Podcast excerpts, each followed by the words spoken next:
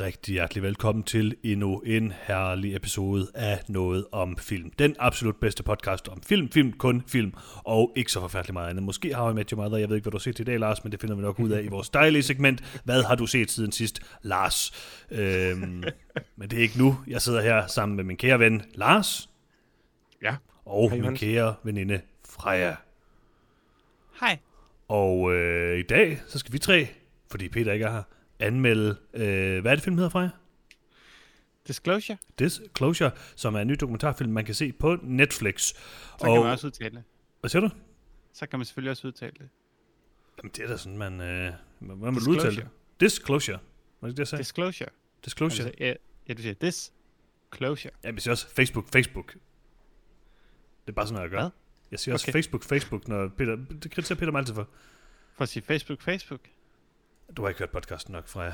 Det tror jeg bare, Vi vi- huskede, Okay. vi huskede at sige Facebook, Facebook sidste gang. Bare Okay, roligt. det er glad for. Der var Okay. styr på det. Det var godt, Okay. det var godt at høre. Jeg Øh. hørte episoden bare med dig, Peter, hvor I uh, snakkede om...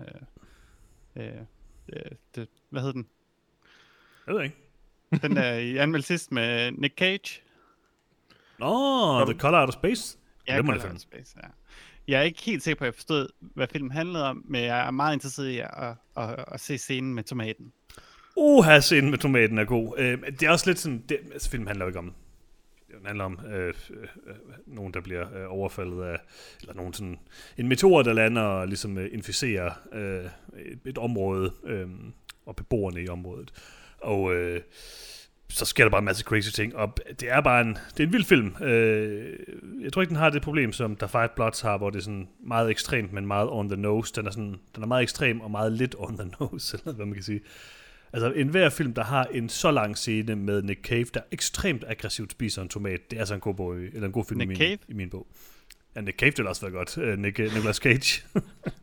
jeg vil også betale gode penge for at se Nick Cave spise en tomat aggressivt, det må jeg sige. Selvfølgelig, selvfølgelig. Men øhm, i denne episode, der skal vi øh, anmelde filmen Disclosure, øhm, som man kan se på øh, Netflix, øh, amerikansk dokumentar. Og øh, derudover skal vi selvfølgelig tale om en masse herlige trailers, som jeg har valgt. Øhm, godt, jeg var tilbage igen og kunne vælge trailers, efter I svinede mig til i sidste episode for, hvordan jeg valgte Ja. trailers. øhm, Jamen, jeg kan se, du har taget nogle af de trailers, som jeg fravalgte i sidste uge, så ja, det er godt. det kan jeg ikke tage mig af. Dem har du ikke delt med mig, Freja. Jeg tog bare dem, som jeg synes var de absolut vigtigste trailers til øh, denne herlige episode. Fire dejlige styks. Jeg er sikker på, at de alle sammen er gode. Og øh, derudover så kan det være, at vi har en lille lytterspørgsmål, eller to fra vores kære lyttere derude. Og hvem ved, måske der er også nyt i nyt. Det er jo dit yndlingssegment, nej. Lars. Nå, du ikke sige, Ja, åh ja. nej, mens jeg siger, at det er dit yndlingssegment. Nå, ja, okay. Jeg kan kun de gamle ting, Johannes. Jeg er Kun- ligeglad med, hvad det nye er. Segmentet eksisterer kun, når du er her. Øh, Fedt. Det er helt sikkert mit yndlingssegment, det må jeg sige. det er ingen om. Nej, så tror jeg ikke, der kan være nogen tvivl om. Øhm, skal vi ikke bare kaste os ud i nogle dejlige trailers? Jo. jo. Glimrende. Jeg har valgt en trailer, der, en lille trailer, en lille indie-film. Jeg tror måske, det er, jeg ved ikke, om det er øh, A24, Lars. Øhm, måske det efterfølgende til First Cow. Øh, Greenland med øh, Gerald Butler i hovedrollen som en øh, mand, der kigger øh, forvirret op på himlen og ser øh, fugle. Altså, Gerald Butler er jo typecastet som mand. Ja. Øh, ikke, ikke yderligere kvalifikation, han er bare mand, og den her film handler tydeligvis om en mand, der gerne vil til Grønland. Jeg ved seriøst ikke, hvem, altså, hvad er det, altså, hvad er hans arbejde i den her film? I Geostorm, der er han ligesom en videnskabsmand, ikke? Sort of. Her, her, her tror jeg, han er lidt mere nede på jorden. Jeg tror, han er skovhugger. Skovhugger, okay. Altså det her, det er sådan lidt The Happening, bare med meteorer, er det ikke? Øh, jeg tror mit- lidt, det er mere Armageddon, også Nå. med meteorer. Også med meteorer, ja. det er selvfølgelig lidt en genre i sig selv, det er klart. Impact, men med flere meteorer. Og det her med, at der er øh, fragmenter fra en uh, komet vil ramme jorden, og vil uh, muligvis uh, uh, udslette alle mennesker på jorden. Uh, hvad synes I om uh, traileren til Greenland, instrueret af Rick Roman Vaughn, som har lavet den seneste film i uh, Fallen, uh, det må være Fallen-trilogien uh, efterhånden, ikke?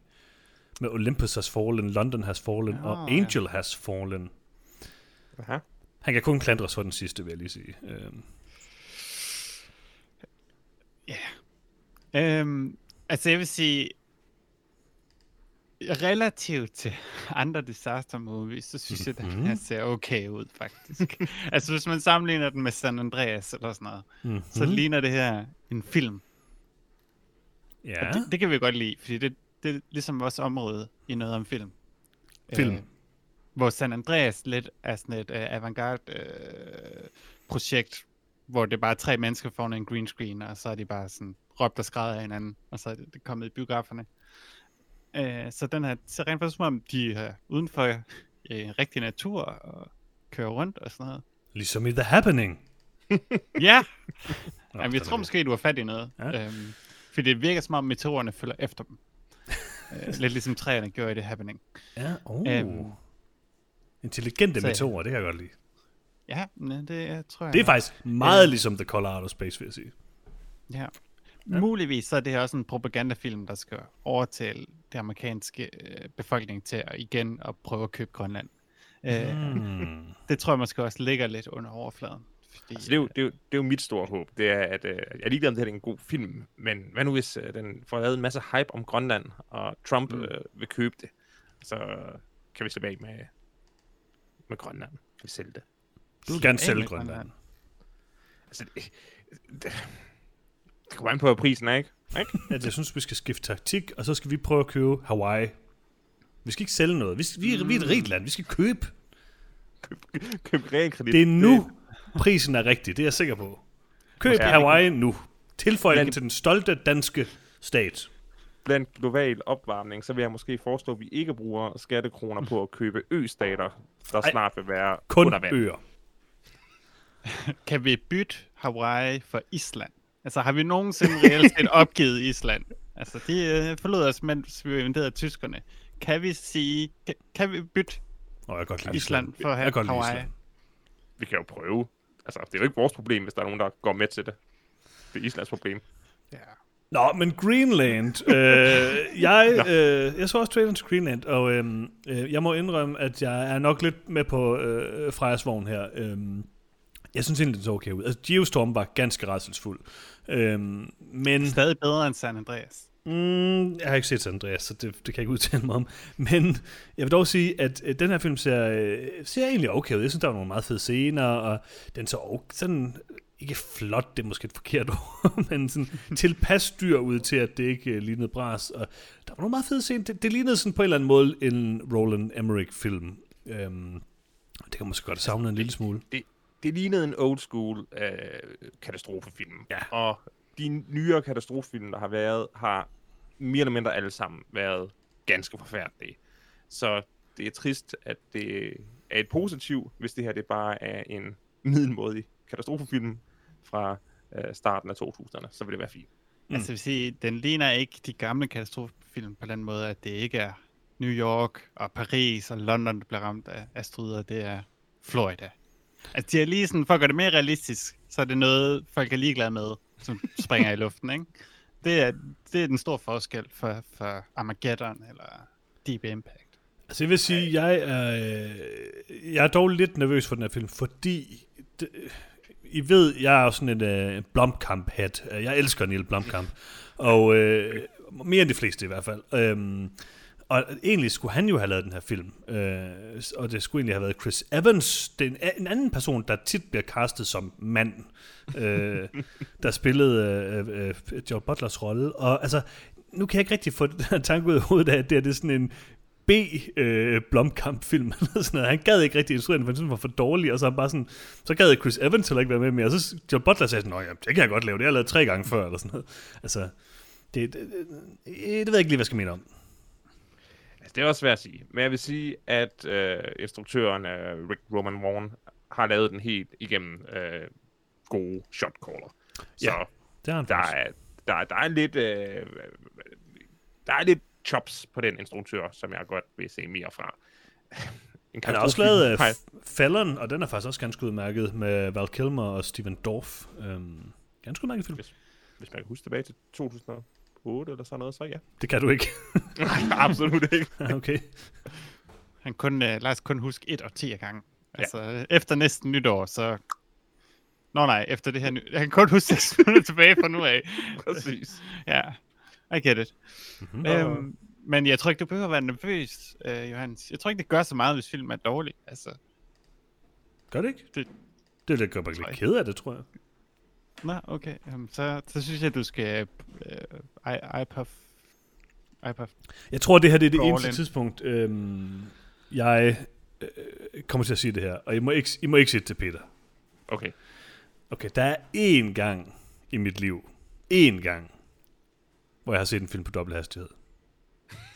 Nej, undskyld, halvanden hastighed. Og det er Geostorm. Jeg vil gerne indrømme her på podcasten, at jeg så Geostorm på halvanden hastighed på min Playstation. Øh, fordi jeg, jeg skulle lige teste, det kan man gøre på en Playstation, når man ser en Blu-ray.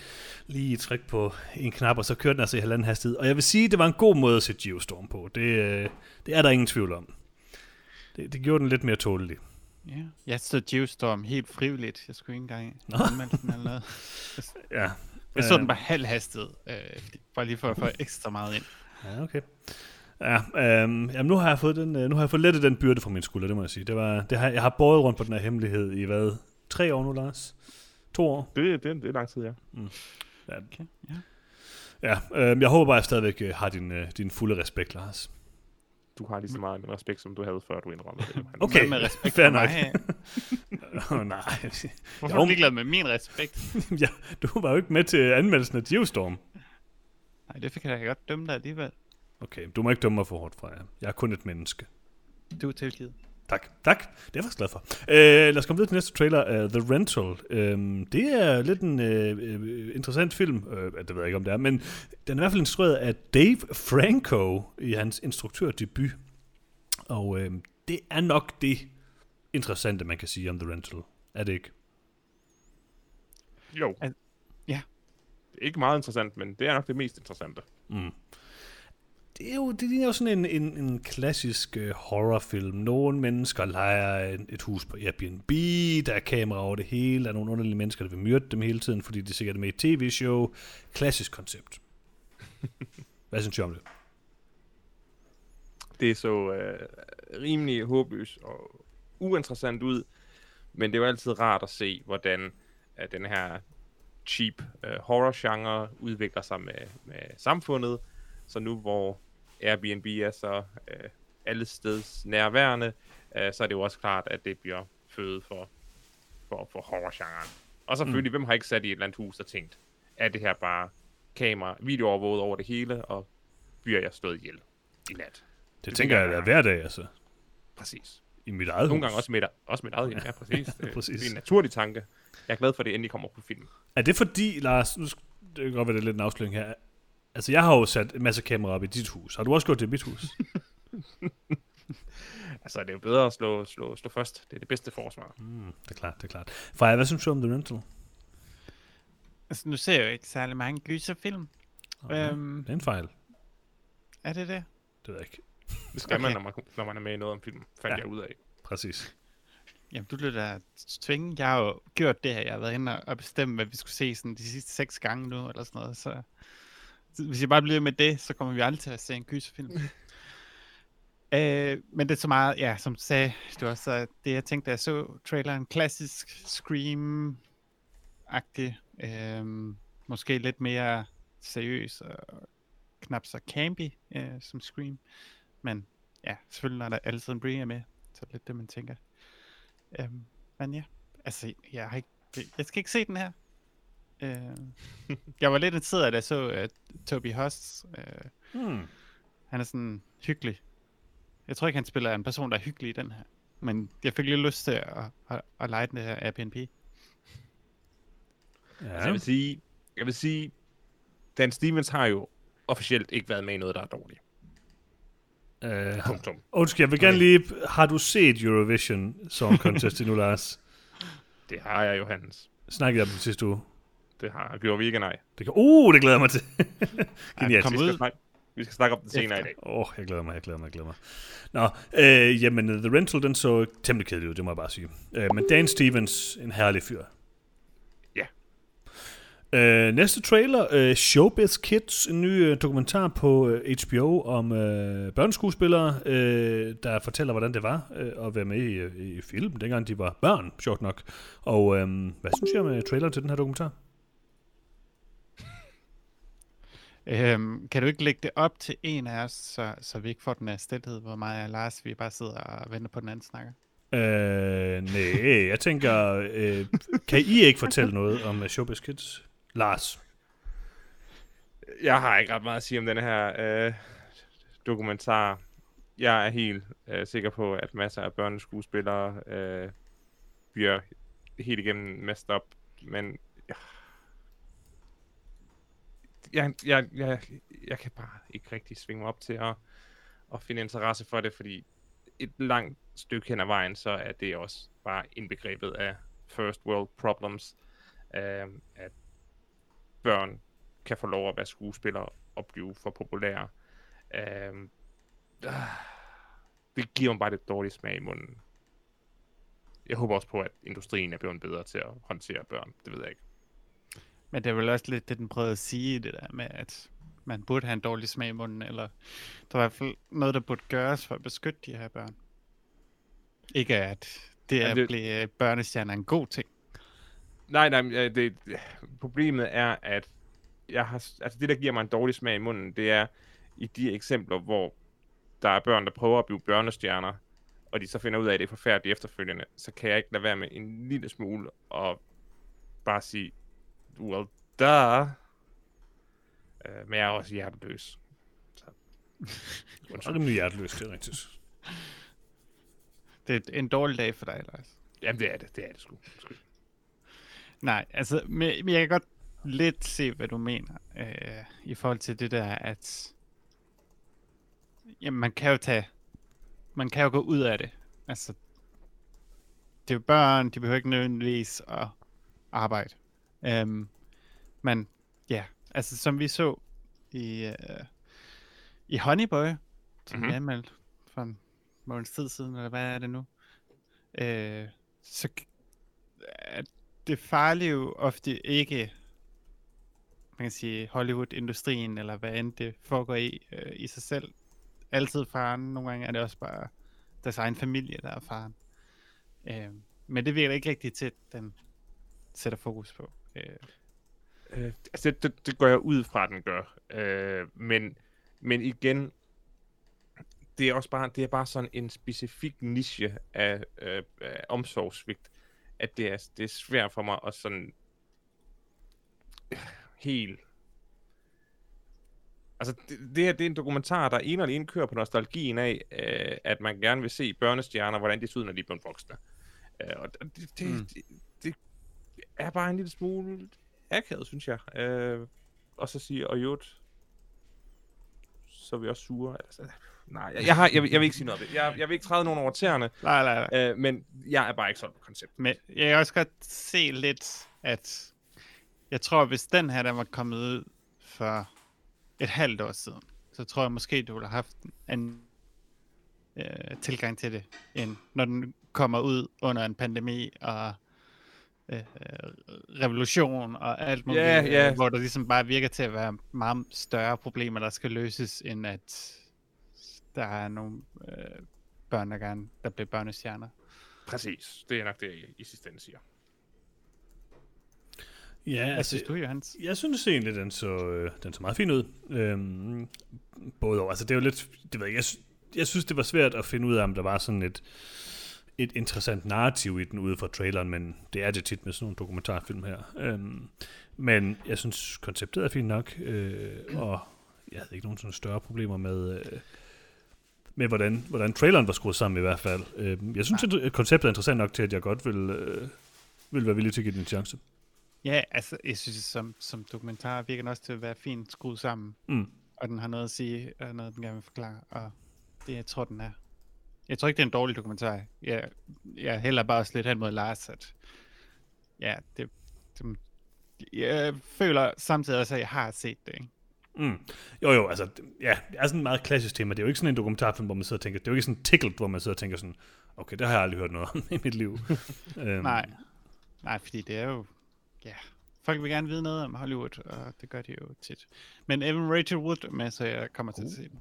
Tænk, hvis man levede i en verden, hvor man så en ny dokumentarfilm om sådan øh, konkurrencekilleri, og tænkte sådan, ah, det har jeg altså bare set mange gange før. Det, der er jo ikke andet end dokumentarfilm om det her. det er en verden, jeg gerne vil leve i. Flere ja. kildedokumentarer, det er min, øh, mit mantra, det må jeg sige. Jeg vil gerne se uh, kilde uh, kildning som en, uh, en, en competitive sport. Ja, OL øh, øh, 2021. Nogen, der skal prøve at lade være at grine, og nogen, der prøver at få de andre til at grine. Ja, der skulle du bare se titel, hvis du kan se den. Øh, ja, øh, sidste trailer. Most Wanted. Øh, ny kanadisk øh, krimidrama baseret på en virkelig historie.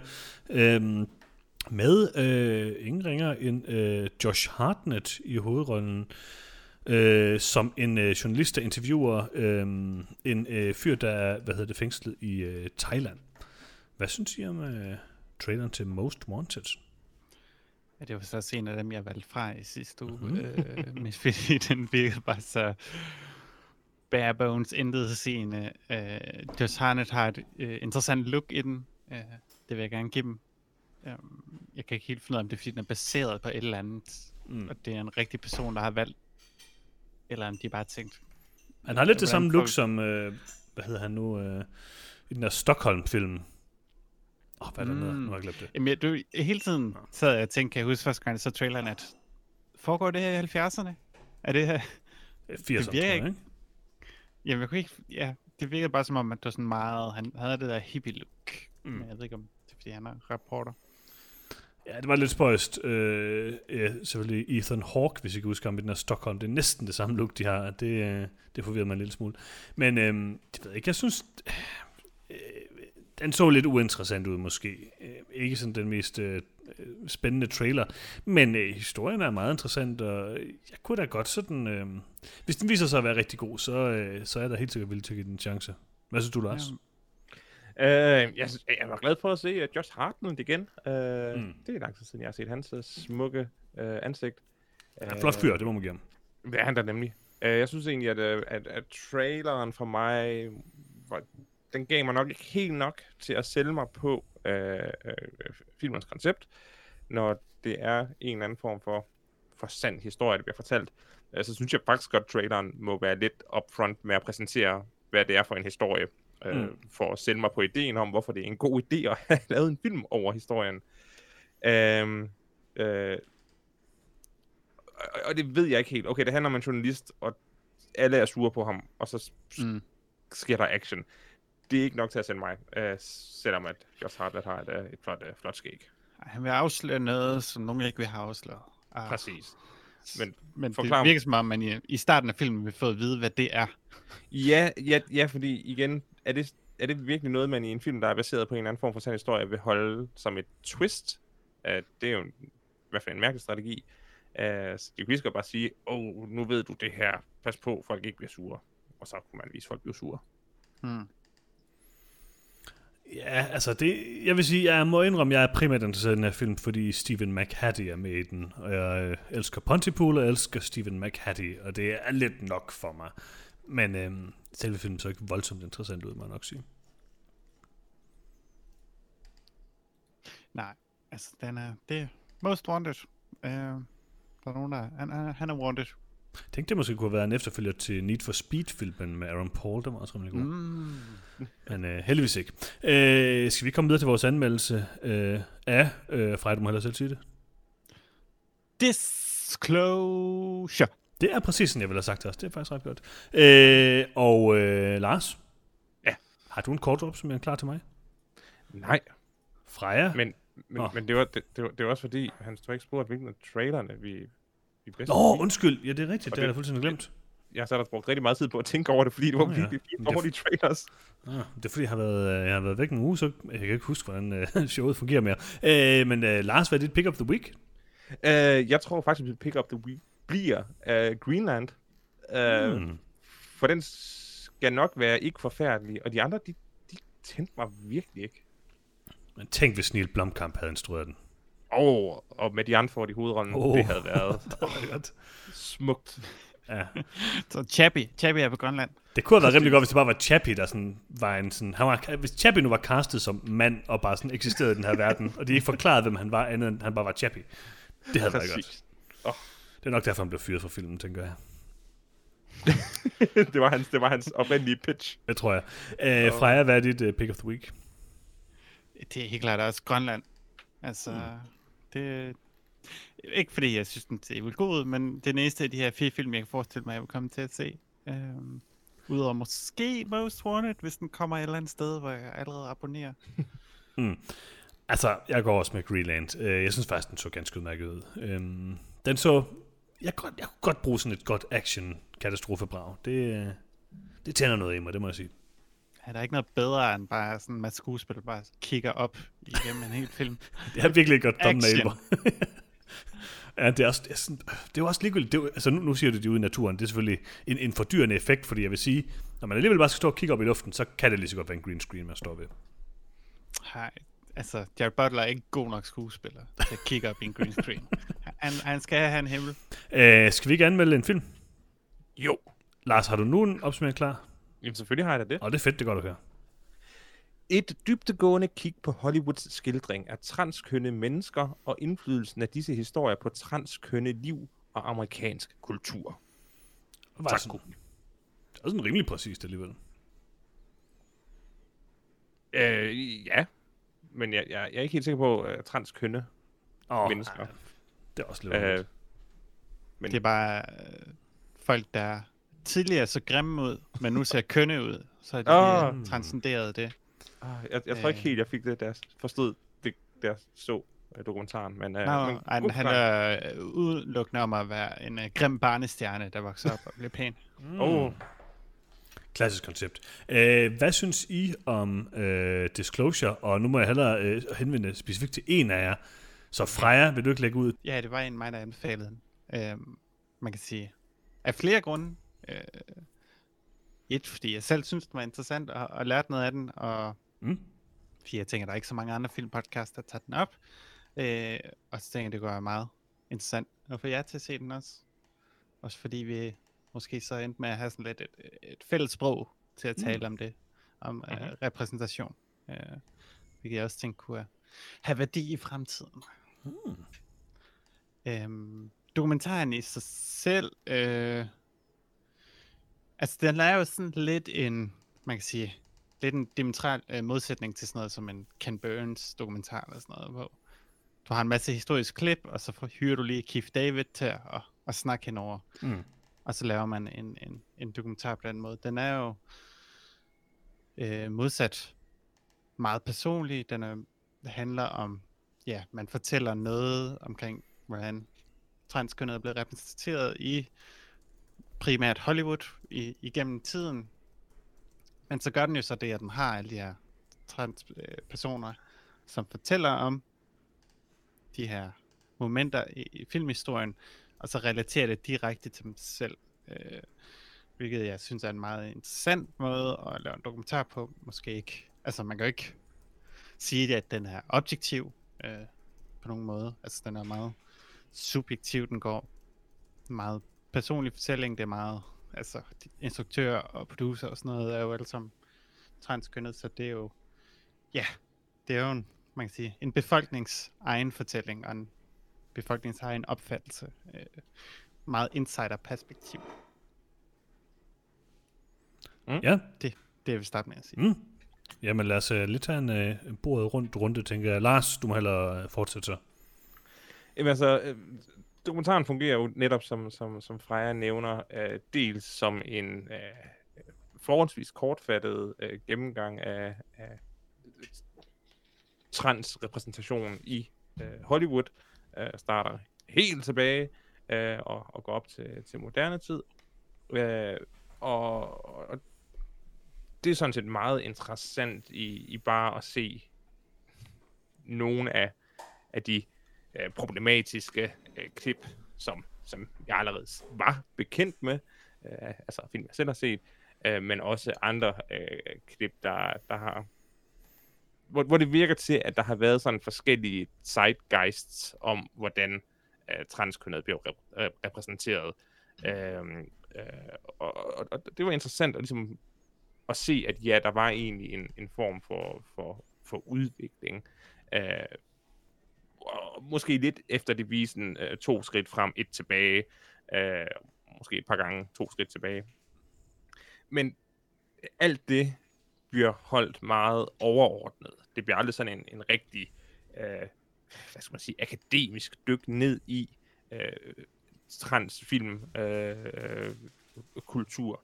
det fokus er meget mere på øh, de her folk, der sidder med deres egne oplevelser, øh, som så har denne her lidt interessante og langt hen ad vejen meget øh, forståelige, øh, ambivalente øh, kærlighedshadforhold, hvor at de jo tydeligt kan se alle de her problemer, øh, der, der, der bliver vist, øh, den problematiske måde, det bliver fremstillet på i mange film, øh, som for eksempel øh, den ofte lavede joke med afskyen omkring at have fundet ud af, at en, en person, man troede var ofte kvinde, øh, så tidligere har levet som mand, og de troper, som bare er meget nem at falde tilbage på i, i, i filmen.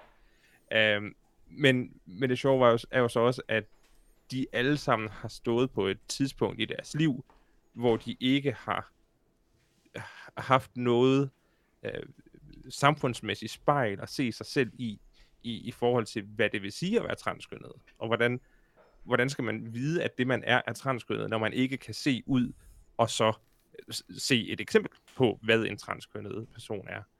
Øhm, og det er jo lidt sjovt, at mange af de her folk så netop har haft deres egne første oplevelser, øh, eller første skridt på vejen til øh, selvaccept, selvaccept øh, af, øh, af deres transkønnethed, ved at se stereotyper, der, der langt hen ad vejen er problematiske. Øh, og det, er det var egentlig et meget inter- interessant billede at få indblik i andre folks øh, historie på den måde. Mm.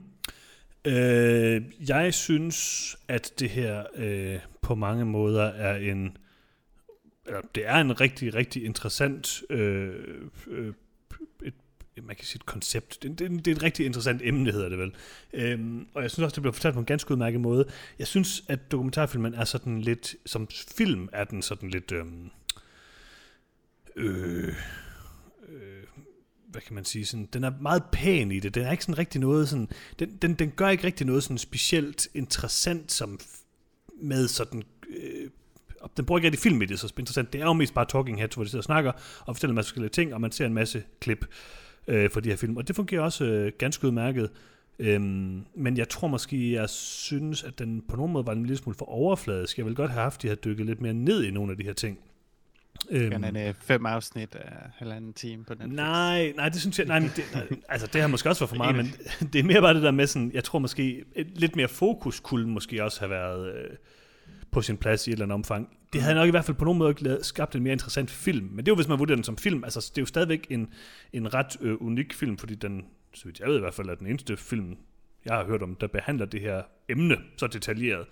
Øhm, øh, og øh, altså, det, det ved jeg ikke, om er rigtigt, men det er i hvert fald det eneste, jeg lige kender til. Øhm, og i hvert fald gør det altså, så detaljeret, og det synes jeg også, der sådan er en ret, øhm, en ret stor værdi ved, at man kommer ret bredt rundt. Men, men jeg synes, den virkede sådan en lille smule for øhm, poleret på en eller anden måde. Mm. Øhm, det, det gør det jo ikke til en dårlig øh, oplevelse på nogen som helst måde, men, men jeg synes, som, det siger vi jo tit om dokumentarfilm, som dokumentarfilm, at der ikke er noget sådan voldsomt interessant over den andet end temaet og øh, øh, hvad den ligesom øh, øh, behandler. Men det gør den egentlig også på en ganske udmærket måde, synes jeg. Jeg synes, øh, som I også siger, at det, er, det var ret spændende at dykke ned i alle de her forskellige øh, øh, øh hvad hedder det, øh, øh, karakterers øh, oplevelser, og hvordan og hvorledes øh, øh, de er... Øh, de, både deres sådan, øh, baggrundshistorie, deres, øh, deres opvækst, og hvordan de så har, har forhold til det igennem deres karriere. Og sådan. Altså, det er jo det er i hvert fald en masse historier, som jeg aldrig har hørt før, som jeg synes øh, øh, har en masse værdi. Øhm, og jeg tror i den, altså selvfølgelig i den tid, vi lever i og så videre, så tror jeg, at der er rigtig meget behov for en film som den her. Øhm, så, Jamen, jeg, ja. nej, nej, bare... Nå, nej, men jeg tror bare overordnet set, synes jeg, at det var en...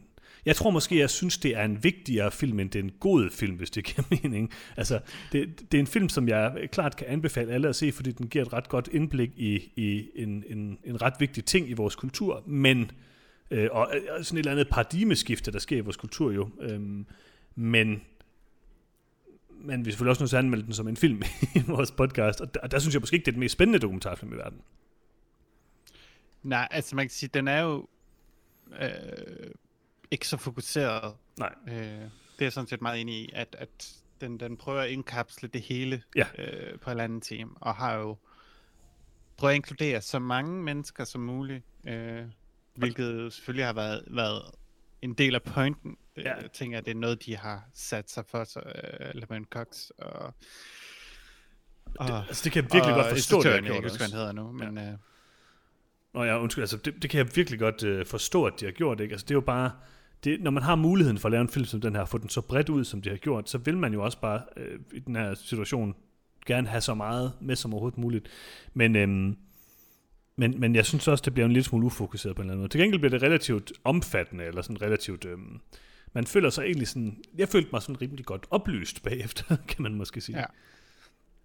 Ja, den har meget øh, sådan et, øh, ja, sådan en øh, oplysende, øh, nærmest undervisende tilgang. Øh, og man kan sige, jeg er enig med, i forhold til, hvordan den er struktureret, virker den mere som, øh, det, det, ikke på nogen måde for at, at, at kritisere, men det virker lidt som sådan en, en YouTube-ting, Mm. øh, hvor, Mm. nogen, hvor det er sådan lidt et, et, et spotlight, øh, der er lagt op, og der er nogen, der har lavet det frem for, man kan sige, en, en, en dokumentarfilm, hvor emnet er tænkt igennem, eller hvor man har lavet et, et meget stærkt fokus, øh, så prøver den bare sådan lidt at, at sprede et budskab og, og, og undervise. Øh. Og selvfølgelig til mig, der selv er transkønnet, er det jo, øh, man kan sige, super interessant. Øh, også, altså, jeg lærte noget, som jeg heller ikke selv øh, Mm. vidste, eller var klar over, og så videre. Øhm, så derfor er det jo også selvfølgelig svært for mig at vurdere, hvor indsat den er for alle andre.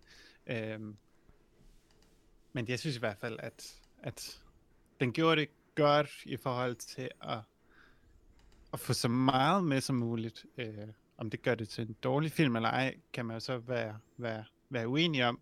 Øhm, men jeg synes, det var fedt, at de fik så mange forskellige vinkler på det, og de havde plads til at øh, for folk, der havde sådan lidt to forskellige meninger om, Mm.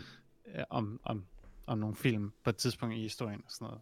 Øh, så Altså, sige, der er jo ikke rigtig nogen instruktør øh, på den måde til at sige, det her fokus, det her er pointen. Det er sådan lidt med, at de har lavet en hel række interviews, og så er det ligesom fundet øh, historien ud for det. Øh, hvor det man måske godt kunne have trukket den lidt med den anden mm. vej, altså få samlet nogle af de mennesker, og måske skabe nogle samtaler eller sådan et eller andet, hvis, hvis det virkelig skal handle om personlige historier.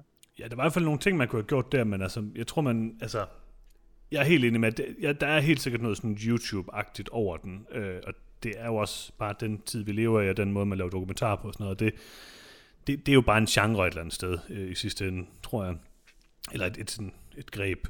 Øhm, jeg synes i hvert fald, det man kan sige om den, det er, at den, er- den er meget dedikeret til det, den så vælger. Den vælger over at være den her brede, øh, rummelige film, hvis man kan sige det sådan, der har rigtig, rigtig meget med. Og det synes jeg egentlig, den gør rigtig godt. Øhm, så er det jo bare sådan en personlig smag, om man er mere til det ene eller det, ene eller det andet i hvert fald. Men jeg synes jo helt sikkert, altså det er jo en super interessant film. Øhm, det er jo et interessant tema, og jeg synes, man lærer rigtig meget af den. Så på den måde er det er den jo klart anbefalesværdig. Det er mere det der med, hvis man begynder sådan at bore lidt i, altså, de, jeg tror, de kunne have gjort nogle ting for at gøre den mere spændende og sådan nogle ting, og mere sådan filmisk interessant. Men det gør måske heller ikke så forfærdeligt meget i det her tilfælde. Jeg synes også, at den blev bedre hen ad vejen, vil jeg sige. Jeg var Mm. måske en lille smule... Øhm, jeg synes ikke, starten er sådan den bedste i verden. Øhm, Nej, der er en hel masse ting med D.W. Griffith og alle de her ting. Og sådan. Altså, øh, hende, Den er lidt, den er lidt lige dog i spekulativ. Ja, start, altså, synes he- jeg. hende filmhistorikeren og sådan, altså det bliver sådan lidt, øh, det, det var måske lidt meget, altså det er jo fint nok, men det er bare også bare, der sad jeg måske også og tænkte sådan, okay, der er noget, altså der er nogle ting, der er meget åbenlyse med D.W. Griffith, øh, som er super duper problematiske, og sådan, og det bliver måske lidt for meget blandet sammen, altså de, de behandler jo egentlig begge dele af det i filmen, øhm, både det racistiske og, og, og repræsentation af køn og så videre, men, øhm, men, men jeg synes ikke, det var filmens jeg synes ikke nødvendigvis, at starten var sådan dens store styrke, men man har jo brug for det til at, at hvad kan man sige, øh, få defineret de, øh, de karakterer, vi skal møde, de mennesker, vi skal møde i, i løbet af, af filmen, ikke? Øhm, og deres sådan baggrund og deres øh, opvækst, og deres, øh, ja, hvordan de har oplevet de her, øh, de her film. Det er, måske, det er måske specifikt den her Birth of a Nation. Der er jo ingen af de her mennesker, der var født på det tidspunkt, hvor den kom frem, så det, er, det bliver måske lige sådan lidt for afkoblet fra dem som personer. Ja, altså bare lige for, for, for at dvæle ved det, så er, så er det også lidt, at der kommer, at, at de, de har nogle teser om, hvil, hvilken konsekvens øh, øh den type øh, øh, altså i bund og grund, hvis jeg bare skulle se lidt nøgteren, så er det, som der er i de film, det er øh, mænd i dametøj, der spiller nogle særlige roller. Og de, de, de starter så med ligesom at etablere det som, og, og, og dermed kæder sammen, at, at, at, at transkønnethed og, øh, og, og filmmediet har været knyttet helt fra starten. Og, og det synes jeg måske ikke, at, at dokumentaren reelt set underbygger. Det er fint nok, det, det, det kunne da godt være en teori, og det kunne sikkert også udforskes, men det er bare der, hvor den står svagest. Øh, mm. det, bliver, det bliver mm. meget mere interessant, når den begynder at handle om personlig, altså folks personlige historie og forhold til, til de uh, transrepræsentationer, de har set, altså selv har set uh, i medier. Og så er der netop sådan noget som de der helt gamle uh, stumfilm. Mm. Altså, med, med al respekt, dem er der ingen, der har set. Så det er, det er der bare ikke. Nej, altså jeg vil også være meget inde i det, at, at det er sådan... Altså det er der, fordi de gerne vil have starten yeah, af Hollywood nok. med. Øhm, og jeg tror også det der med, at den der crossdressing og sådan noget, der eksisterer i, i, i de gamle stumfilm, altså kommer jo bare ud af, at det var noget, man gjorde i teater øh, før det. Og, og hvad præcis der ligger i det, og så kan, altså, det kan man måske tage og lave sit eget lille fokus på, hvorfor så meget crossdressing eksisterede i, i teater og sådan noget, og det mm. er selvfølgelig også helt tilbage fra, fra det gang, det kun var mænd, der var på scenen og så videre, men ja, det, det var ikke helt sagt noget øh, om, hvad betydningen er, fordi man ved det ikke helt, og det bliver på en eller anden måde lidt undergravende, men samtidig også brug for at nævne, hvor, hvor racistisk det hele var. Mm. øhm, fordi så, så, så sådan lidt, okay, ja, alt i de film er problematisk. Ja, okay. det, det er jo nemlig det, altså det er sådan lidt, det, det var en helt anden tid, og de film kan man jo bare ikke se uden, altså man skal jo se det i en kontekst, og man, man er jo nødt til at fordømme de film, men de, de er jo en repræsentation af en tid, eller andet sted. Ja. Jeg tænker, øh, hvis, vi, hvis jeg må, må hijacke og skifte emne lidt, at øh, en, et problem, jeg måske sidder lidt mere tilbage med, øh, og, og der, der skal jeg indrømme, at det kan godt være, være et produkt af, at jeg har set øh, dokumentaren for få timer siden. Øh, så, så nogle gange vil man gerne lige kunne gå og tænke over det et par dage. Men, men det, jeg tænker over lige nu, det er, om dokumentaren alt i alt er lidt for feel goodsy. Um, mm. For jeg forstår rigtig gerne, hvorfor at dokumentaren vil være en empowering øh, testamente til, at der er sket reel forskel. Øh, og når man ser øh, nogle af de øh, skuespillerinder øh, der, og skuespillere, der nu arbejder som øh, out-transpersoner øh, og spiller transroller, altså fantastisk, det, det glæder mig. Øh, og det var jo super cringy at se alle de her øh, 80'er og 90'er talkshows med vildt upassende mm. øh, spørgsmål øh, til, til, til transkvinders øh, kønsdele. Er nogle af de der så, Oprah-klip, der er i starten, ja, det synes jeg godt nok var rimelig... Øh... Præ- præcis, fordi det, det er der, hvor man sådan lidt tænker, at åh, hvor, hvor har der også bare... Øh, altså, hvor, hvor er det et emne, som, som folk, der står udenfor, mm. har svært ved, og ligesom, jamen, hvad, hvad, hvad, hvordan skal man snakke, hvad, hvad, hvad skal man sige? Og der var, der var en, en super, øh, der var en super lille mikronarrativ, øh, på, hvordan et tidligere problem blev øh, i talesat af øh, transkvinder, og, og hvordan nogle talkshow-hoster bagefter rent faktisk stillede sig frem og sagde, jamen jeg er glad for, at, at, vi, at jeg blev stoppet, og vi nu kan snakke mm. på en bedre måde. Øh, men den ender bare på sådan en happy note, og hvis man som mange, eller hvis man som, ja, mange, hoveddelen af folk, der kommer til at se den her dokumentar, af folk, der udser den øh, på grund af, øh, at de selv er øh, allieret til LGBTQ-communityet, øh, øh, eller selvfølgelig, hvis de, hvis de selv øh, er transkønnet. Og når den så ender med at være så feel good, så er jeg bare bange for, at der er nogen af, af alle dem, der, der bare er, er allieret, der bare tænker sådan, jamen, det er da godt at se, at der er kommet styr på det det behøver vi åbenbart ikke at gøre ret meget mere ved.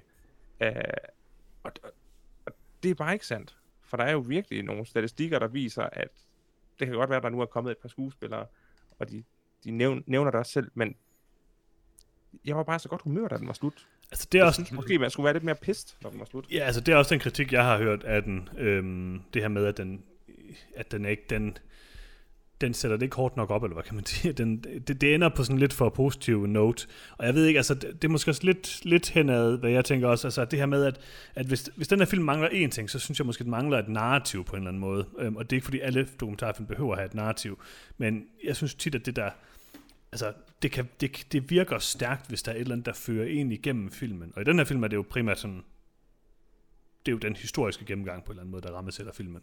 Øhm, og det er selvfølgelig også rigtig fint, men, men, men, men jeg savnede måske også lidt den der sådan, altså jeg, jeg savnede også at blive sådan, øhm, øh, at se sådan øh, øh, de, de ting, der stadigvæk var, var og er dårlige, ikke? Øh, og som, som man kan Det gøre noget ved. næsten Spike Lee-slutning. Nej, så til Trump. Nej, ikke helt. Jeg, jeg mener bare, altså, det er alt, alt er jo ikke perfekt, og den her film er meget sådan... Øh, man, jeg, jeg er helt enig med Lars, man, man kan godt sidde og se den, og det var også sådan, jeg så sådan, man ser den, og så tænker man, det var da egentlig, det var en dejlig gennemgang, jeg blev klogere, og det, det er da rigtig dejligt, at, øh, at mm. folk har det bedre. Og det er jo selvfølgelig også fint, og det, alting behøver ikke være sådan øh, øh, kampklart og alt muligt, men, men det gør den selvfølgelig også lidt mere sådan øh, øh, uskyldig på en eller anden måde. Øh, altså, ja. Ja, altså jeg kan godt være, jeg tror egentlig, jeg er delvis enig. Øh, men jeg tager også lidt en teori øh, på, hvorfor den er sådan. Mm. Mhm. Og det er jo lidt, der eksisterer og har eksisteret sådan de sidste 10 år ufattelig meget sådan empatiporno. Mm. Øh, hvor det er sådan, ej hvor er det synd, ej hvor er det hårdt, øh, det er godt nok synd for dem, og så videre, hvor det er meningen, man skal sidde og tænke, ej, altså så, så, man kan sige, sådan en masse, nogle transpersoner, for eksempel, man kan sige, The Danish Girl, eller sådan noget, hvor, hvor, hvor det handler om en transkønnet person, der, der har det dårligt, lever et Mm. elendigt liv, og så dør af sin elendighed til sidst. Og jeg tror, de fleste transkønnede nok det, øh, vil være godt træt af det narrativ, øh, hvor det bare handler om, øh, hvor svært og hvor elendigt det er på transkønnet, fordi det kan også være, være pissevidt.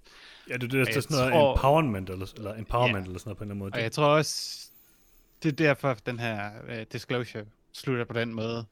Det er, fordi der er rimelig mange, der har behov øh, for den empowerment, og ligesom, at det ikke kun skal handle om, hvor dårligt det er, hvor hårdt det er, og så videre, øh, for ligesom at, at, at, at, at sætte fokus på, hvor fedt det også er. Så viser den måske ikke, altså den bruger ikke tid på at forklare, hvorfor det også kunne være fedt at være transkøn.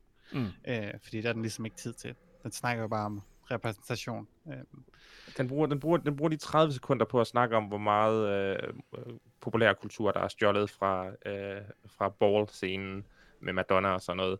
Men det, lige præcis det emne kommer den meget hurtigt ud af. Mm.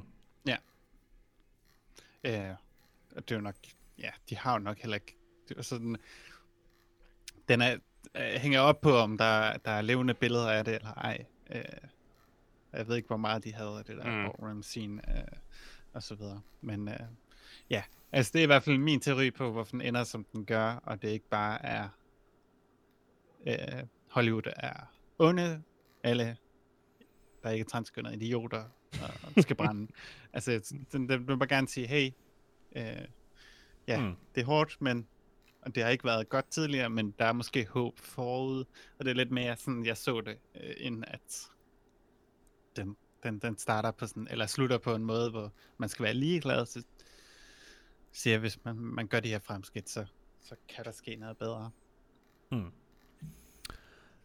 Altså man kan sige, hvis, hvis man ikke skulle sige noget positivt øh, om den taktik, hvis man må bruge det i det militære, øh, i de militære sprog, øh, så er det jo måske netop, at, at dens grundholdning, det er en opfordring til at øh, komme ud øh, og, og være med, øh, hvis man sidder derhjemme øh, gemt øh, som, som, som transkønnet.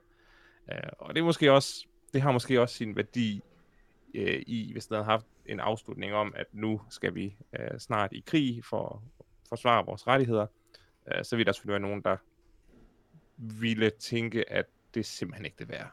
Jeg, jeg forbliver bare gemt. Øh, og hvis det, hvis det er med det simple mål at hjælpe folk ud, øh, så kan jeg godt respektere det. Det, det er bare en lille smule, en lille smule øh, vagt. Ja, ja, altså det er jo det, øh, ja, jeg synes også, det er en fin taktik, men det kan, bare ikke, det kan bare ikke rigtig undgå at få den til at føle sådan en lille smule for overfladisk, tror jeg måske er det rigtige ord. Øhm, men jeg synes heller ikke, at det er det, der er pointen med filmen på en eller anden måde. Altså pointen med filmen er mere det der med, altså det er, som jeg ser det i hvert fald, at give det der nogenlunde komplette overblik, kan man sige. Altså, mm-hmm. for folk, det er sådan et eller andet med at få folk up to speed på en eller anden måde. Og, ja. altså, Men det er bare det der, det komplette overblik, det er bare så farligt. Altså, det er... Det er i hvert fald potentielt kedeligt, og det er jo det der udfordring, ikke? Altså, det, det, men, det, det, men det, er, det er også farligt i, i, at man som seer kan blive complacent, mm. og, og, og, og content med, at det ser ud til, at altså, jeg har, jeg har altid synes øh, at, at, at transrettigheder øh, er menneskerettigheder, og nu kan jeg se en dokumentar, det ser ud til, at det har de fleste andre også fundet ud af nu, så det er bare godt. Og det er sådan, åh, det, der er bare lang vej nu. Ja, det er som, som bor i Sverige og ikke fatter, at der også er noget, der hedder USA eller sådan. Altså, Præcis. Det, det er måske fint nok i Sverige, men der er stadig nogle udfordringer et andet sted, ikke? Altså, det, jeg, jeg synes også, altså, det, det er jo selvfølgelig det der, jeg, jeg synes også godt, der kunne have været sådan noget et waking up element i, i den, her, den her dokumentar, men jeg synes ikke, det tager noget, altså jeg synes egentlig på den anden side også, at det er meget sådan øh, nobelt og respektfuldt, at man at man fokuserer så meget, som jeg synes, de har gjort med den her film. At den er så meget... Øh, den ved, hvad den vil, og den gør det. Og så kan man jo enten lide det, eller ikke kan lide det, øh, men man kan ikke, jeg synes ikke, man kan andet end respektere det i hvert fald. Den er ret dedikeret til at være præcis det, den er, og den, den, den har ikke alle mulige tråde, der kunne pege i andre retninger, synes jeg. Den har, den har et rimelig stramt fokus. Nej, det er ikke noget The Fight Blood til i hvert fald. hvis, der, hvis der er en person, der forstår at begrave sin egen... Øh sin egen symbolik og sin ja. egen holdning, så, så det er Spike Lee. Øh, og det gør den selvfølgelig ikke. Øh, så kan man sige, at Firebloods er, er, er mere interessant, fordi den gør så mange andre ting, og den gør alle tingene. Øh, men ja, jeg vil sige, jeg altid foretrække noget som Disclosure, som rent faktisk øh, formår at, at for, forklare sin besked øh, klart og tydeligt, mm. øh, frem for et eller andet øh, underligt magtværk. Mm-hmm. Jeg kan bedre lide gode film end dårlige film, det jeg siger. ja, jeg kan, altså, ja jeg, det kan jeg selvfølgelig også godt, men jeg, jeg vil dog sige, at jeg, det har jeg sagt mange gange i podcasten, jeg, kan, jeg, vil, jeg vil hellere se en dårlig film med interessante idéer, end jeg vil se en øh, halvkedelig sådan middle of the road film. Det er ikke fordi, jeg synes, den her den er det overhovedet. Den her, den er bare sådan, altså, den, når man har sådan en dokumentarfilm, der er så meget infodump, som den jo i sidste ende er, så balancerer man jo på sådan en knivsæk, hvor det, det kan blive for... Øh, der kan, der kan komme til at mangle for meget et narrativ. Jeg synes ikke, det er tilfældet her, men, men jeg synes måske, det er tæt på. Ja, altså jeg vil sige, det er misklassificeret den lidt at kalde det infodump, fordi der er også mange personlige fortællinger. Ja, okay, det er måske også lidt. Ud fra, fra, ja, ja. fra al den information, der kommer, så, så mere, det synes mere, jeg heller ikke, den er. Nej, okay, det tror jeg, du ret i. Mere det der med, at der er bare så mange forskellige historier, øhm, som hvor at de ikke sådan dykker ned og skaber et eller andet narrativ omkring en af tingene. Altså det, ja, det er bare det, det er to forskellige stile, og der er jo ikke noget, der altså, der er jo forskel, man kan lide forskellige ting. Jeg kan nok bedre lide den anden ting, men på den anden side synes jeg også, det var, altså, det er jo det der igen. Jeg synes, det er vigtigt på mange måder, at man ser en film som den her, får en indsigt, som man får af sådan en film her. Øhm, så jeg synes helt sikkert, det er en vigtigere film, end jeg synes, det er en god film. Mm. Skal vi give den nogle karakter? Ja. Okay. Uh, vil du starte fra eller skal hvem starter? Uh, ja, det kan jeg godt. Altså for mig, med min personlige bias, uh, så ender det sådan for, for mig på en 4 ud af 4. Uh, og det var, man sige, en meget subjektiv uh, holdning. Jeg kan sige, alle mine holdninger er subjektive. Det var også meget subjektivt, da jeg gav det 5 Bloods 1 ud af 4 uh, men ja, jeg synes, den fungerer rigtig godt for mig, og der er ikke noget af kritikken, eller det, det meste af, af, af kritikken, jeg er uenig i. Øh, men jeg synes i sidste ende, der fungerer den. Øh, og jeg synes, det var meget rart at se noget i den her uge, der var velskruet sammen, og vidste, hvad den ville sige. Lars. Øh, jeg kan godt lide din lille sviner til, til Spike Lee, bare lige. Øh. Hvorfor ikke? Øh, jamen, jeg, jeg synes, at, øh, at dokumentaren har sine svagheder. Den øh, var en behagelig nok oplevelse at se, men jeg tror bare ikke, at den for mig kommer til at, øh, at rumstere ret lang tid i mit hoved, før at, øh, at, at den er ude. Øh, så jeg vil nok kun give den to. Desværre. Øh, ja, jeg tror også, jeg svinger mellem to og tre på en eller anden måde. Altså, jeg synes helt, altså, øh, jeg, jeg tror, jeg, jeg ender med at give den tre, fordi at jeg faktisk synes, det er på mange måder en ret vigtig film. Øhm, som sagt, jeg har ikke set noget, der fortæller den her historie før. Øh, og det synes jeg egentlig er nok til, at jeg godt vil anbefale den, øh, hvilket er mit kriterie for et tretal. Jeg synes ikke, den filmisk er specielt øh, velkonstrueret til gengæld, eller jo, det, jo den, det er den. Det er bare ikke det, jeg synes er mest interessant i dokumentarfilm, den gør. Men, øh, men den er dedikeret til det, den vil, og, øh, og den formår at skabe en film, som jeg faktisk synes var, øh, eller er vigtig at se på mange måder, for mange mennesker, tror jeg. Så øh, jeg giver den tre. Nice. Hvis den har været 18 afsnit og altså, tre timer, ligesom The Staircase, så... Så er det set den. det var en anden tid, det var en anden tid, hvor jeg havde mere, ja, mere tid, tror jeg. Du har snakket så meget om The Staircase, jeg har faktisk sat, okay, nu vil jeg se den på et Uh. tidspunkt. Jeg, men jeg troede bare, det var sådan almindelig du, sådan dokumentar. Det var sådan uendelig mange afsnit, der var helt vildt langt. Så sådan, ah, okay, ah, okay, en anden gang. En Men anden La, nu, nu må jeg indrømme, at jeg faktisk er lidt... Øh, nu kan jeg ikke helt huske det, men er det ikke kun fordi, at Netflix lavede rigtig mange afsnit her sidste gang, Lars? Eller lavede de en film, det kan jeg ikke huske. Jamen, det, altså, det, er jo, det er jo to dokumentarer og en film, ikke? Øh, er der, Mm, er, det, er, er, det, er det ikke en første sæson, som ikke er specielt mange afsnit, så er det en film, som er The Staircase 2, og så er det, er det kun et afsnit, eller hvad de lavede Netflix, det kan jeg huske. jeg, kan- jeg kan ikke huske, det er, men, men det er i hvert Sammenlagt fald, er det mange timer, det er rigtigt. hvis man skal se det hele, og det, det skal, Det man, skal man, det skal man.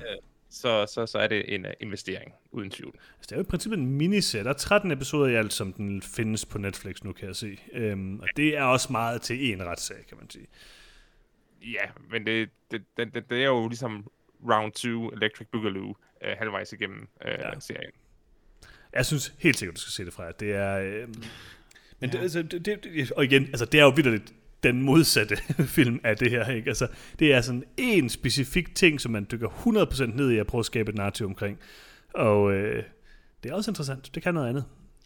Ja, og det skal nok også komme omkring det her emne Ja. også. Øh, jeg tror, grunden til, at det var så bredt, er jo også, Mm. mm. man kan sige, en, en, en funktion af, at der ikke rigtig eksisterer andet Jamen, øh, det- til det emne. Ja, det er det, jeg mener, men altså, er, er der egentlig noget fra jer, som, er der nogen, du kan anbefale, som er nogle andre dokumentarfilm det her, eller hvad? Øh, nej, det er der ikke. Altså, man kan sige, der eksisterer jo film og sådan noget, Mm. der berører transkønner og sådan noget, men altså, der er ikke været Mm. så meget, ikke nogen dokumentar, som er dukket op, øh, som jeg kender til.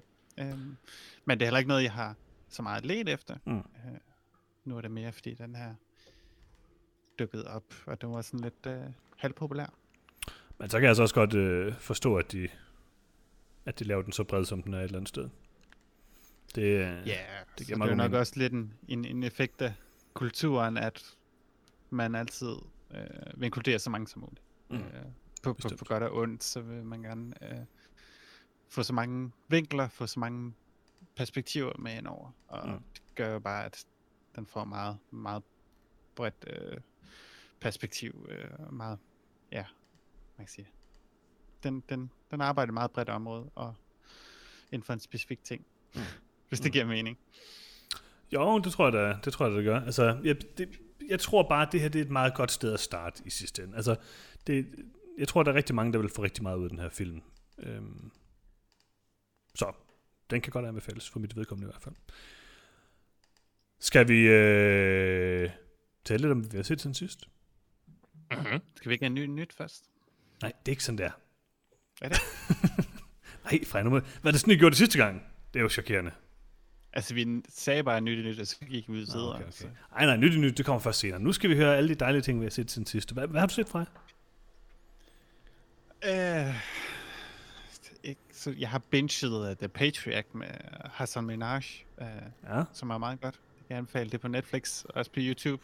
Øh, jeg ved ikke rigtig, hvordan den forretningsmodel fungerer. Øhm, men det er sådan... Jeg ved ikke, om er nogen af jer, der har set det? Nej, Øh, det har jeg ikke. Nej, måske Okay. okay. lidt af det. Men Altså, det er, jo- det, er- det er jo meget lignende uh, uh, Last uh, Week Tonight med John Oliver. Mm. Mm. Hassan Minaj var også uh, The Daily Show uh, på et tidspunkt. Og det er sådan, det, det, det går til ting på, på en, en meget lignende måde. Um, jeg vil sige, The Patriot er, ja, det er måske lidt mere ungt og hipt, end, end, end John Oliver er. Um, og så rammer det også lidt mere bredt i, i verden, end, end uh, Last Week Tonight gør. Mm. Mm. Som er måske lidt mere Amerika og måske England uh, fokuseret, hvor The Patriot Act, selvom det kommer lidt fra et am- amerikansk perspektiv, så Hass- Hassan Minaj han er jo uh, anden generations indvandrer af indiske forældre og sådan noget, så ja, og så er det jo fordi det er på Netflix, så kommer det jo ud til, til hele verden. Det, det er sådan lidt mere et, et verdens øh, billede, end det bare er amerikansk, og det synes jeg er meget interessant. Mm. Mm. Det er egentlig meget interessant. Ja, Lars. altså, jeg har kun set én ting. Det er The Showstopper. Nej. så, så, hvis, så hvis du er klar til det, så kommer det nu. Men Ja, men problemet er bare, Lars, jeg har ikke set den endnu. Og jeg tænkte måske, at vi skulle overveje, om vi skulle anmelde den næste gang. Jeg tvivler på, at vi får overtalt folk til at anmelde den næste gang. Uh, men jeg kan måske sige, at uh, Eurovision Song Contest, Mhm. The Story of Fire Saga, er den værste film, nogensinde lavet. er en exceptionel, uh, interessant film i sin uortodoxe tilgang til uh, komediemediet uh, og uh, narrativ historiefortælling. Det, det du siger, det jeg er... har At, lige lavet den her. nej, nej, fra det, som Lars siger, det er, at den her film er overhovedet ikke sjov. Altså det jeg hører, det er, at den er lige så sjov som The Five Bloods.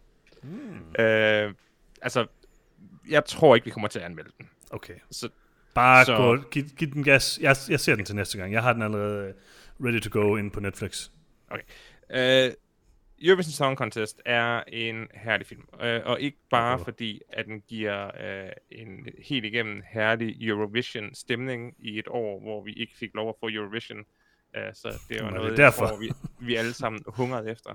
Øh, Alle men nej, sammen. det er en, øh, en film, der ja, eksperimenterer med, med, med øh, komediemediet i det, at den ikke er sjov. Øh, Lars, den jeg tror ikke, er- det er med vilje. det, det, det er langt hen ad vejen, tydeligvis ikke med vilje, men det vigtige er bare, at det her, det er en herlig film om kærlighed, øh, passion og, og loyalitet, som egentlig er ganske velfungerende, øh, specielt på grund af Rachel McAdams øh, helt igennem elskværdige karakter. Jeg har hørt, hun er det bedste i filmen.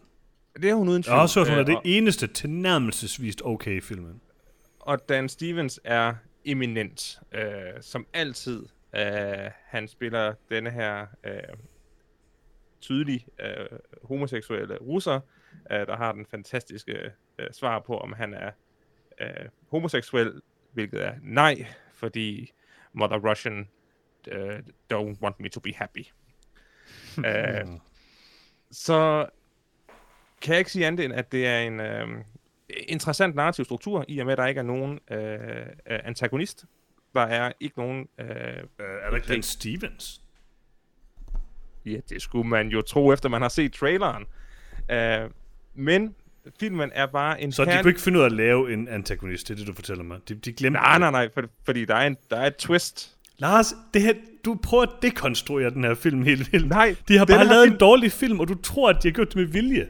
Nej, den her film har dekonstrueret øh, mediet, fordi det her det er en film, der kan det, som alt, der bærer navnet Eurovision kan. Det er at vise, at det handler om at være sammen, handler om at feste, handler om øh, livsglæde, øh, og handler om kærlighed. Du siger, Og det, det du siger, det det er, er- at Will Ferrell han har drukket for meget Eurovision Kool-Aid. Will Ferrell har drukket præcis så meget Eurovision Kool-Aid, som man burde, og det er meget hvert år. Øh, og så i midten, der, der er det kæmpe musiknummer med alle øh, de tidligere Eurovision-vindere. Øh, det er bare et smukt øjeblik. Og jeg knæb en tårer, da filmen sluttede. Det vil jeg gerne indrømme. En ting, jeg har hørt om den her film, er, at Ja. der er rigtig mange sange, og de gentager sangene rigtig mange gange. nej, De det, samme sange. Nej, nej, nej, nej, nej. Det, det er ofte forskellige sange, men det, som folk ikke forstår, det er, at 90% af Eurovision-sange lyder ens. Hmm. Så hvis man ikke sidder og følger med, så vil man helt sikkert tro, det er den samme sang, der spiller nu igen. Men en det altså kondisør vil, vil kende forskel. Og så nok til at sælge den til dig, så vil jeg bare sige, at øh, den svenske øh, deltager hedder Johnny John John. Det Kan- er et rimelig godt navn. Kan du ikke lige nævne et par øh, af sangtitlerne? Det, det kan jeg huske sidste gang, der, der fik jeg lidt, uh, lidt lyst til at sige. Der er ikke en, der hedder Ding Dong eller sådan noget. Øh, øh, den hedder La La Ding Dong. Ja. Og der, og der er en fyr, der kon- kon- hans eneste rolle, det er at skrige, at han vil høre La La Ding Dong, og blive vildt aggressiv, når de siger, at de hellere vil spille noget andet musik. Mm. Øh, og når de så siger, okay, så spiller vi La La Ding Dong, så bliver han så excited og glad. Øh, Lars, er det dig? du har ikke hørt La La Ding Dong endnu, Johannes. Nej. Det er en sang, der er værd at skrige på, at man gerne vil høre. Frej, hvad det nu Lars plejer at sige? Plejer ikke at sige, at han hader komedier eller sådan noget? Kæft, han siger mange ting. Ja. Ja, du, jeg kan ikke forstå, hvorfor du ser det her film, Lars. Jeg, Jeg tror, Lars love han dig. hader Aha. sig selv. Jeg tror, det var det, det handler om. Okay. Lars elsker Eurovision, og jeg mener oprigtigt, at Eurovision er en filmperle af autørskab. Det her, det er det største øh, eksempel på selvindoktrinering, jeg nogensinde har set, tror jeg. Altså, det er jo sådan ligesom, at du, du er ligesom Nordkorea bare med øh, Eurovision eller sådan noget. Altså, Jeg vil sige, hvis, hvis, hvis vi havde anmeldt filmen, så ville jeg have, have, have givet den øh, tre stjerner, øh, og jeg synes, at det, øh, de alle sammen var øh, velfortjente. Øh, David Dobkin, der har instrueret denne her film, ja, en af mine Altså- yndlingsinstruktører, vil jeg sige. Ja, han har en... Altså, han har et øje for detalje, og den her film er stort set fuld af årets øh, Bob Gollets. Der er så mange karakterer, som ikke rigtig har nogen rolle andet end at sidde og smile eller klappe, og man tænker bare, jeg vil vide mere om den person. Altså, ser de sådan sjov ud, sådan ligesom Borg Golle og Barbro Frick? Er det sådan ja. underlige ja. Ja, de, is, de, is, Uh. de er islændinge, så, så ja, de ser alle Ah. sammen øh, vildt mærkelige ud. Og så er der den bedste øh, running gag med, hvor meget Will Ferrell øh, hader øh, amerikanere. Den, øh, det er faktisk den eneste reelle sjove joke, øh, der, er, der er i filmen. Og så et lille, et lille ting. Jeg ved ikke, om, om det er vigtigt i min bedømmelse. Jo, jo, Det er det, jo, det, er det måske. Øh, men det her det er uden tvivl den film i øh, filmhistorien, der flest gange øh, indeholder ordet Lars. Hmm. Jeg tror, der bliver sagt Lars omkring 300 gange i løbet af den her film. Fik den tre ekstra stjerner for det? Nej, den fik præcis de tre stjerner, den skulle have. Okay. Okay. Og så siger jeg, at jeg sætter også pris på en film, hvor at man hver minut hører en sige, Lars, Lars, Lars, Lars, Lars, stop, Lars, Lars, stop, stop, Lars. For det bliver sagt rigtig mange gange. Ja. Hvem hedder Lars i filmen? Det kan Will Ferrell. Nå, okay. Sikker på, at det ikke bare var, var, var din hustru, der, der råbte af det. Det kan altså godt være, du har misforstået det, tænker jeg. Stop med at se den film. Stop, Lars. Ja. Lars, stop. Så du tror, der er flere Lars, end der er uh, Lars than the real girl? Uh, ja, uden tvivl. Altså, Hmm. denne her film får mine uforbeholdende anbefalinger. Jeg tror, alle folk... Er det ikke, det, det hedder? Jo, Ej, Jo, jo, det, ikke- det hedder det, det hedder det.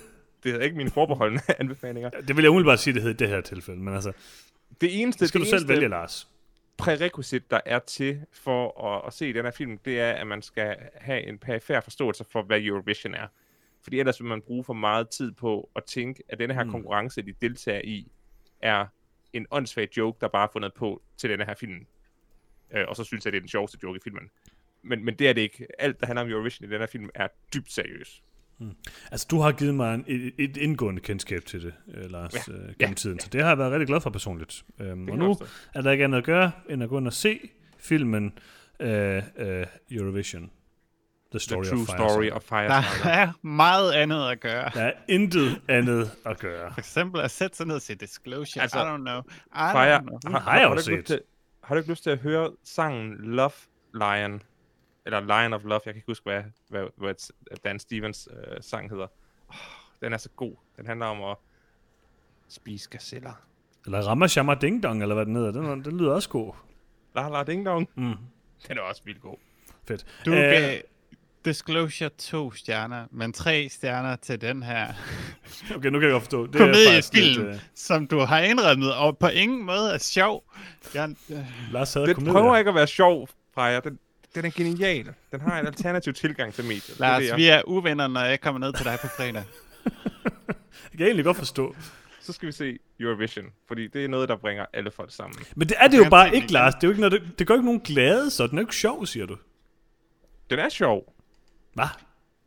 Ja, altså det er da, det er da sjovt, at der, der, altså det med feerne er sjov, og øh, det med politikerne er sjov. Mm. Det er bare Will Ferrell, der er upræget usjov, men Jeg glæder mig til scenen andre- med feerne nu, det må jeg sige.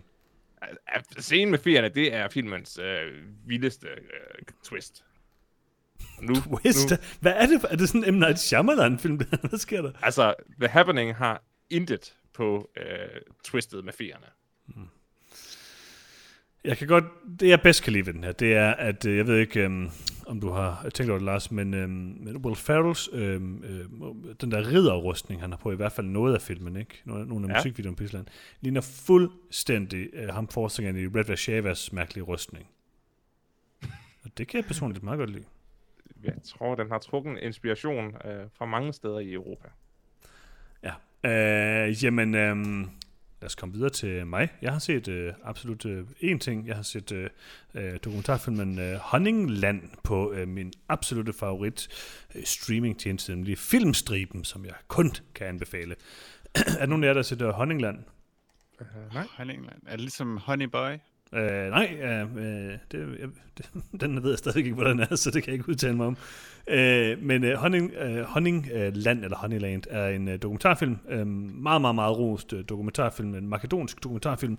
Øh, som øh, de startede med, at de ville de skulle ud og lave sådan en, en kortfilm omkring, øh, hvad hedder det, en bestemt region. Øh, men det ender med, så, med at de møder sådan en, øh, en kvinde, som... Øh, øh, lever øh, pff, ude i den her ude i vildmarken eller ikke vildmarken, i sådan ude på landet i hvert fald, øh, og øh, i sådan en, en stenhytte ting, øh, og bare lever af at gå rundt og samle honning fra øh, bier. Øh, så den meget sådan i synk med naturen og det hele. Og, og hun tager så ind øh, til byen, og øh, øh, en gang imellem, så, som er, og byen er meget, meget, meget langt væk, så det er sådan en gigalang rejse.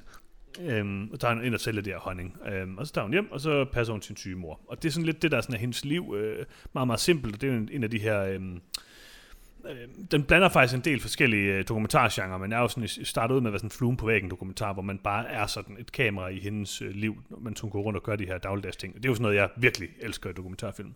Øhm, og så senere så øh, kommer der, øh, nu vil jeg ikke afsløre alt for meget om den, men øh, der øh, flytter nogle, øh, nogle andre ind, sådan, eller flytter ind, de har en campingvogn stiller sådan der i naturen, og, øh, og begynder ligesom at sådan, øh, påvirke hendes, øh, øh, øh, hendes liv. Øh, de har en masse børn, der render rundt og er vilde og larmer og sådan noget. Hele sådan, det er sådan, der er jo en hel masse symbolisme i den her film, nu kommer alt for dybt ind i det, øh, med sådan, øh, hvad hedder det, øh, climate change og øh, udnyttelse af naturen, og en hel masse forskellige ting, som den faktisk behandler ekstremt godt, og så er det bare en sindssygt flot film. Øh, jeg var helt vild med Honeyland, det er en af de bedste dokumentarfilm, jeg har set i, i mange år, øh, og har også vundet ekstremt mange priser.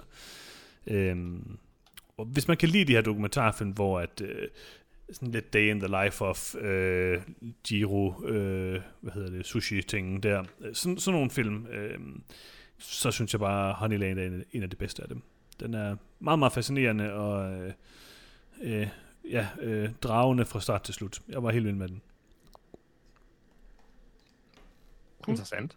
Mm, den kan jeg virkelig anbefale. Uh, man kan se den inde på uh, filmstriben, som sagt. Men det er også det eneste, jeg har set. Har I set noget mere? Øh, nej. Jeg... Doom Eternal var på 50% rabat på øh, Steam, så jeg har, jeg har dræbt rigtig mange dæmoner. Jeg har desværre ikke Mm. tid til at se så meget. Er det godt? Det er sindssygt godt. Det får det, det spil for, hvad var det, 2016 til at virke som spil for babyer. Altså, det, jeg, jeg, har brug, jeg spiller det et par timer, og så er jeg nødt til at gå ud og græde under bruseren, bare fordi jeg er sådan helt øh, tom for energi. Mm. Græde lige frem. Øh, Ja, ikke fordi jeg er ulykkelig. Jeg er meget glad. Du er glad. Jeg har bare ikke, jeg har bare ikke mere energi i mig. Okay.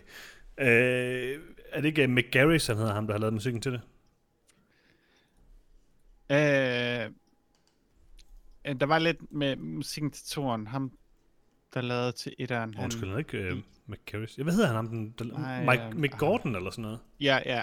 Ja, Mick Gordon. Det er rigtigt. Øhm, han leverede åbenbart ikke alle numrene og sådan noget. Der var sådan et, en helt drama ting med det. Nå, En helt Øh, kontrovers. Så det er delvis lavet internt i studiet og sådan noget. okay. Nå, det har jeg ikke hørt noget om. Men Mick Gordon i hvert fald, han, det var et fremragende soundtrack, han lavede til det første spil i hvert fald, og han har lige lavet øh, øh, en sang sammen med et band, der hedder Bring Me The Horizon, som jeg godt kan lide. Og den er fremragende. Der kan man virkelig mærke hans øh, Doom øh, soundtracks ting. Det er ret ja. fedt. Prøv at tjekke den ud. Øh, ja, men skal vi så komme videre til nyt i nyt? Vores yndlingssegment. Klart. I skal love, Jo. at det er også er jeres yndlingssegment. Ellers så, jeg, så gider jeg ikke tage det med. Det kan, jeg, det, det kan jeg ikke love. Okay, jeg tager det med alligevel. Jeg elsker det. Jeg, jeg, jeg kan ikke undvære det. Jeg kan ikke undvære det. Øh, på Netflix, der kan man se den herlige film The Wolf of Wall Street, som Peter engang blev ekstremt vred på mig og Mikkel over, at vi ikke øh, valgte til årets film i noget om film. Øhm, man kan også se The Green Mile med Tom Hanks. Man kan også se uh, Labor Day, uh, som er den her, uh, hvad er det, hun hedder ham fra Oldboy remaket, uh, Josh Brolin, uh, mærkelig kærlighed, som, som jeg hørte hørt skulle være ganske forfærdelig. Øhm, man kan se den her nye serie, der hedder Unsolved Mysteries, som er sådan noget underligt øh, sande historier om, står, der, der står sande historier om gådefulde forsvindinger, chokerende mor og paranormale hændelser. Øh, den skulle være sådan lidt øh, interessant. Jeg har hørt øh, gode ting om den. Så der er lidt at vælge imellem på Netflix i hvert fald. Og selvfølgelig øh, animationsklassikeren Happy Feet. Lars, du elsker pingviner.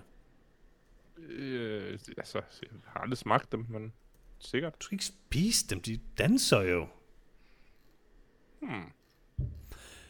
På køb og leje, der er der også ting og sager, man kan finde. Man kan for eksempel øh, få øh, den, øh, en af de film, jeg nogensinde har set med det øh, mest interessante, øh, eller den mest interessante skægpragt-kombination, det er The Professor and the Madman. Jeg ved ikke, om I lige har tid til at lige kigge på, øh, på coveret til den her. Det er øh, Mel Gibson og øh, Sean Penn, der begge har ganske interessante øh, skæg. Øhm, øh, den ser...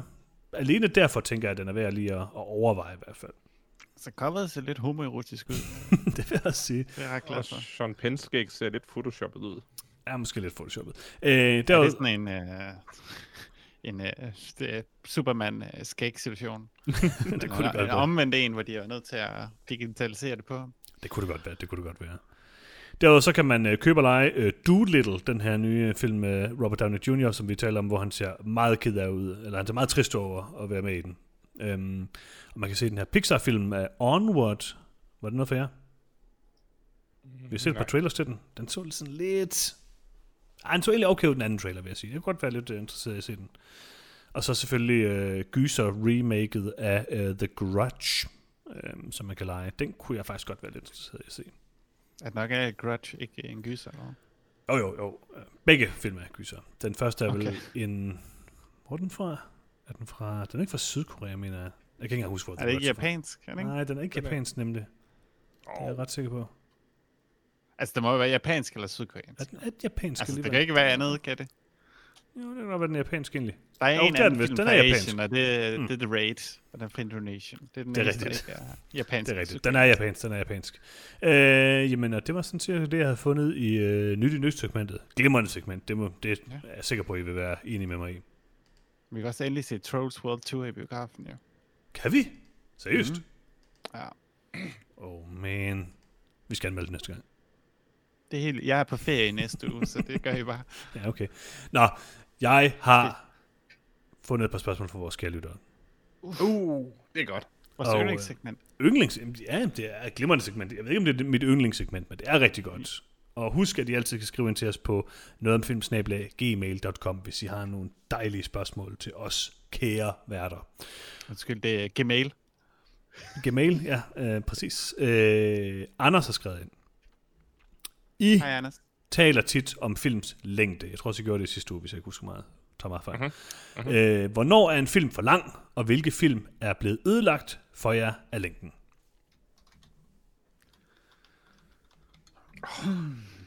Jeg har svært ved at komme på et eksempel på stående fod, men jeg synes, at en film bør være øh, omkring de halvanden timer lang, fordi det er bare en, et, et godt medie, der passer ind i min øh, opmærksomhedsspænd øh, og min blæres størrelse. Hmm. Og, og, og det er bare to ting, der er relevant for at have en rigtig herlig filmoplevelse. Uh, så synes jeg gerne, at de mere episke film må, må gå op på, på de to timer, og måske tage ned en lille smule mere. Men jeg synes helt ærligt, at når det først begynder at trykke på de tre timer, så det er bare sjældent, at, at jeg holder fokuset. Og så kan det sgu egentlig være ligegyldigt, om filmen øh, er øh, minut for minut øh, et, et mesterværk, hvis min opmærksomhed øh, i, i, i perioder bare ikke er der. Mm. Og så må, så må filmen skulle hellere sige, at, at det er en miniserie, og så er det jo to gange en halv time øh, med, med tilfredsstillende narrativ. Ligesom der er Men- sport. Præcis, altså det, der er set eksempler på, hvor, hvor det er gjort øh, på, på, en, på en fin måde. Øh, men jeg synes virkelig, at nogle gange ser man øh, et klip i en film, hvor der på øh, få sekunders dialog, eller på et enkelt establishing shot, bliver fortalt, hvad andre film bruger en halv time om at sige. Så i sidste, længe, i sidste ende, så er kortfattethed i film en ualmindelig stor styrke, hvis det bliver lavet kompetent. Ja, jeg synes, det afhænger meget af den historie, man fortæller, og om den historie, eller et emne, der kræver en langsom opbygning. Altså, nu nævnte jeg jo lige Der Sport, øhm, som jo siden den udkom originalt som miniserie, jo også bare er cuttet tilbage som en film. Øhm, og der synes jeg, at den fungerer rigtig godt for mig, øh, som en, en, en slow burn film. Øhm, bare fordi det er den her øh, spænding, og, og, og, og følelse af, af en eller anden form for undergang, som bygges op hen over tid, øh, som fungerer helt godt der sport. Altså en film, jeg synes føles for langt for mig, som jeg lige kan huske, er helt sikkert uh, Return of the King, uh, Hmm. uh, Lord of the Rings. Hvor lang er Øhm, den egentlig? Jeg ved ikke præcis, hvor lang den er, men den er meget lang. Mm. Mm. Uh, og den har sådan fire slutninger. Ja, og det er virkelig slutningerne, der gør det. Øh, hvor man sådan, okay, nu er det slut. Okay, nej, okay. Øhm, Det var så også Hvilket- øh, næsten fem timer. Ja, I extended. altså der hvor Frodo og Sam ligger på Mount Doom og mm-hmm. lava, og det så cutter ud, okay. Det var, det var en sær slutning, men okay, altså vågner den op ind i det der underlig, underlig sekvens, hvor det hele er slow motion, alle kommer ind ad døren, og han er i sengen og smiler helt vildt. Det altså, jeg nok- havde den sekvens. Det var det værste. Den er helt vildt ringe. Ja. Øh, og jeg forstår det ikke, hvorfor de har valgt at gøre det på den måde. Jeg vil også sige, at det var noget bedre anden gang, man så filmen, for så vidste man ligesom, hvad der... Ja, så, så, skulle så ske. ved man, det ja. her det er ikke en drømmesekvens, som Ja. er det, en hver øh, person vil tænke. Ja det var... Det, det har du helt ret i. Det er faktisk et rigtig godt eksempel. Øh, mit eksempel, det, altså jeg, jeg tror, i udgangspunktet er jeg enig i det her med, at filmmediet passer rigtig godt til halvanden time. Øhm, det binder også en til ikke at gøre det der, som jeg tit har sagt, jeg synes er et stort problem, hvor man bare prøver at putte en hel masse plot ned i film og gøre det til en bog. Øhm, det, eller en tv-serie eller et eller andet. Altså, der, der- er noget ved den her halvanden time, som er lidt magisk. Øh, det holder interessen ved lige, og det, det sikrer også, at man ikke propper, altså man gør filmen for plottung. Øhm, men altså, på den anden side synes jeg også, at nogle af de fedeste film, jeg har set, er lange film, hvis de ligesom kan bære det. Øh, det, det kommer helt an på, på filmen. En film, der jeg i hvert fald synes, jeg kan huske, var sådan alt, alt, alt for lang, og virkelig sådan drænede mig, det var Avatar. Øh, Avatar er sådan, jeg kan ikke være den to timer og 40 minutter eller sådan noget, den dur, øh, to og en halv time eller sådan noget. Og et, jeg kan ikke specielt godt lide Avatar, øh, men det gjorde det virkelig ikke bedre, at den var så lang, og jeg kedede mig så meget undervejs. Øhm, så det kommer jo bare helt an på, hvis jeg er sådan fuldstændig opslugt af filmen. Der var en masse rygter om, at uh, Tenet er uh, over tre timer lang, og det tror jeg ikke er rigtigt, men det havde Robert Pattinson bare sagt. Der og, eksisterede nok et cut, der var tre timer på Ja, et tidspunkt. øh, Muligvis er den tre timer lang. Altså, men- men jeg vil gerne se Tenet i tre timer. Selvfølgelig. Øh, det er min yndlingsfilm, der nogensinde er lavet. Altså, den er ikke engang lavet endnu. Øh, men jeg tror bare, det kommer helt an på, hvad det er for en film. Øh, hvis den kan bære det, så er jeg villig til at sidde i tre timer og kigge øh, øh, på en skærm. Der var også nogen, der så den der øh, O.J. Simpson fil, øh, dokumentarserie i, øh, som en film jo, øh, som er syv timer eller sådan noget, og synes den var vildt god. Øh, og den er bare spændende. Altså det er jo... Øh, ja, det kommer an på, hvad man ligesom øh, kan kapere. Men i udgangspunktet synes jeg, at halvanden time er en god længde. Der er Altså, det- extended cut af Avatar, der er øh, øh, 2 timer og 58 minutter. Uh, det lyder ikke godt. Okay, men, men 2 timer og 58 minutter, det betyder altså, at den er extended med 8, øh, 16 minutter. Ja, sådan noget. De, altså, James Cameron Ja, ja, det er- puttede jo alt det her i, han vil. Altså, der er der ingen begrænsning på Avatar. Det er en temmelig forfærdelig film på mange måder. Øhm, Men det er, bare, det er bare vigtigt at huske, når man så nævner, at der, har, at der er de her gode film, altså en, en film, man ikke lige sætter sig ned og ser øh, på, på ugelig basis. Det er jo også øh, Schindlers Liste. Den er jo også mm. lang og, og, og fantastisk. Men det er bare så vigtigt for filmskabere at vide, at det er undtagelsen. Det er altså undtagelsen, at du kan lave en så åndssvagt lang film, og det, og det bare holder. Ja, altså, det, Øhm. man skal tænke sig om i hvert fald. Altså, jeg synes for eksempel også, at dokumentarfilm generelt, tje, altså, det er vigtigere, at de er halvanden time, typisk. Nej, det, de, de skal, de, der skulle være en lov, der forbød dokumentarer på over halvanden time. Ja, altså, det er jo sådan, man kan jo ikke sådan... Der er bare en eller anden grænse for, hvor lang tid man gider bruge i selskab med sådan en historie. Øhm, Hmm. som, Som... som, hvis det er det staircase. oh, ja, det er selvfølgelig Det rigtigt. er en serie. det, øh, øh, Freja, det, Det er er en jo bare- serie. at- Altså, hvis du bare deler den op... Ja, det må du gerne. Jeg tager mig gerne- igen. Jeg synes faktisk, der er ingen begrænsning på dokumentarfilm. Ja. Det må gerne være 13 timer lange. Hvert afsnit må bare ikke være over halvanden time. præcis. Det, Præcis. Det er faktisk, Okay. god, det er en rigtig god regel. det tror jeg heller ikke, der er nogen serie, der har Mm. afsnit der over det, men okay. Jeg synes, The Staircase er en samlet film i min bog. Sherlock Holmes, tror jeg har afsnit på over halvanden time. Ja. Det er ikke dokumentar, men... Det er jo film, ikke? Nej, det, Det er en film. Så er vi tilbage af, af Sharp. En Åh, nej, ikke det igen. Der er, ikke, der, der er ingen, der har set Sharp, Freja. Hvorfor ikke se Jeg ved Sharp? stadigvæk ikke, hvad det er. Jeg ved ikke, hvor jeg kan se det hen. Jeg vil, gerne se det. Jeg ved heller ikke, hvor man kan se det længere. Nej, Hornblower, det er også godt. Hornblower er godt. Det er en... jeg ved God ikke, hvad serie. Jeg tror, Johannes, du er nok, du er nok mere en hornblower, end du er en sharp-type. Ja, jeg er helt sikkert en hornblower, det har du fuldstændig. Nå, øhm, Allan har skrevet ind. Hej, Hej, Anna. Og jeg tror selvfølgelig, den er med, fordi det var noget om Tenet. Og altså, hvis der er noget, jeg er interesseret i, så er det selvfølgelig Tenet. Øh, og Allan han spørger, Tenet bliver ved med at, være, eller bliver ved med at blive udskudt på grund af corona. Øh, den er lige blevet udskudt til øh, august i USA. Øhm, og øh, så spørger han, hvad gør det ved øh, Johannes' øh, iPods chancer, og vil han eventuelt få muligheden for at ændre sit valg, hvis filmen ikke når at udkomme i 2020? Uh, du får... Nej, nej, nej. Uh, Johannes har bare tabt sin iPod, hvis han ikke engang præsterer at gætte rigtigt på, hvorfor et år en film udkommer i. Jeg synes egentlig, det er lidt snyd. Ja, det er bare... Altså, så må du skulle have styr på, hvornår din film udkommer. Det er selvfølgelig rigtigt.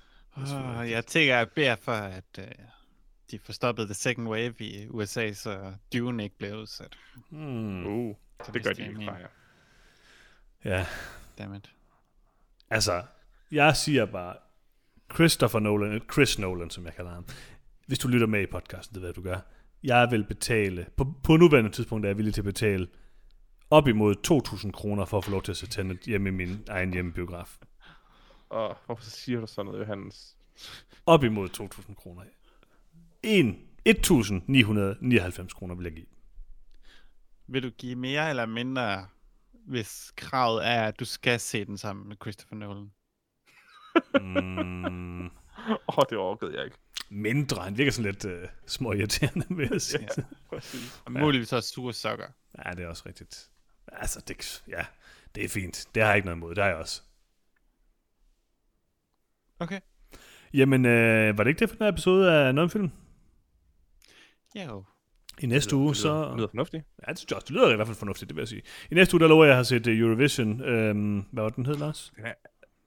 The Story of Fire Saga. Som åbenbart ikke er en komedie. Det er nyt for mig, men øhm, Men det er en meget vigtig film, meget vigtig film. lige pointere. Vigtigere end Disclosure. Øhm, Ja, meget vigtigere end Disclosure. ja.